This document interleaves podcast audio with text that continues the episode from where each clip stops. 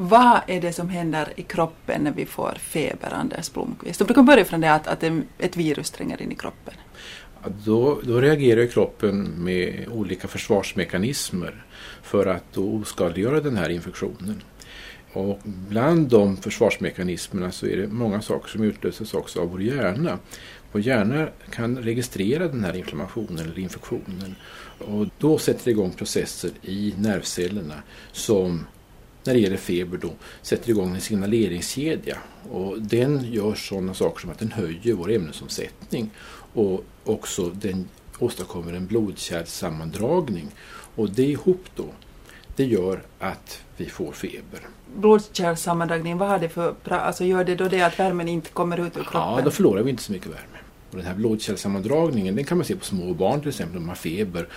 De brukar bli vita kring munnen, de får en sån här blekhet kring munnen. Och det, det är då den ytliga blodkärlen drar ihop sig och då vet man att ja, nu har barnet fått feber. Och då är det alltså vissa speciella celler i hjärnan, då, ett speciellt område i hjärnan som kallas för hypotalamus som ligger i hjärnans basala del ganska långt fram.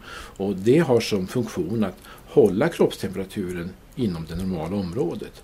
Men när man får en sån här infektion så ändras helt enkelt termostaten. Så om termostaten normalt sett är 37 grader så sätts den nu högre. Den sätts kanske till 39 grader eller 40 grader, till och med ännu högre.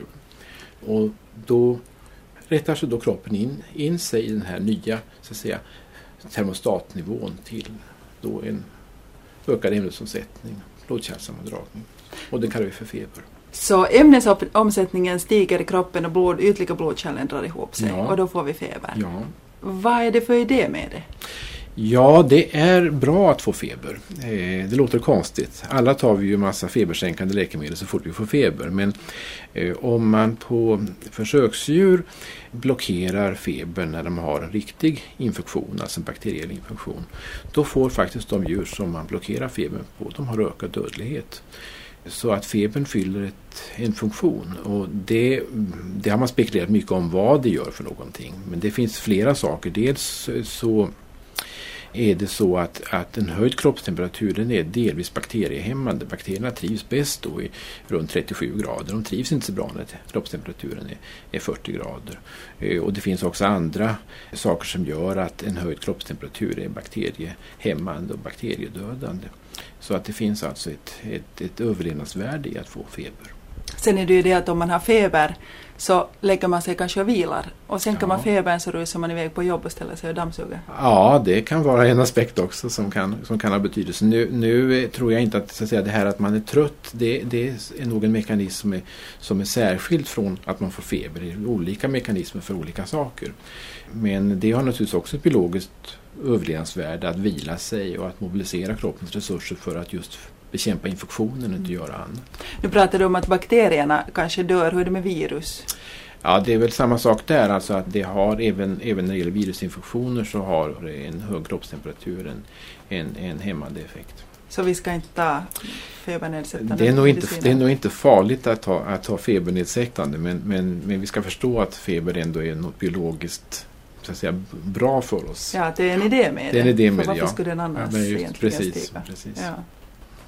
Kan man dö av feber? Ja, det kan man också. Man kan, det, en riktigt hög feber kan vara farligt. Och den kan stiga så högt? Den kan, den ja. kan stiga så högt så att den kan vara farlig för, för individen, ja. För oftast så ligger ju den där maxtermostaten då på 40? Ja, någonstans runt 40, 40,5 grader. Ja. Det, det, de här så att säga, aktiviteten, då, den ökade kroppstemperaturen, alltså allt det som gör ökad kroppstemperatur ska slå ifrån då när vi får en temperatur som, som ligger över 40, 40, 40,5 grader. Men är man oförståndig kan man naturligtvis få högre kroppstemperatur också. just det här att, att ibland när kroppstemperaturen stiger så fryser man ju.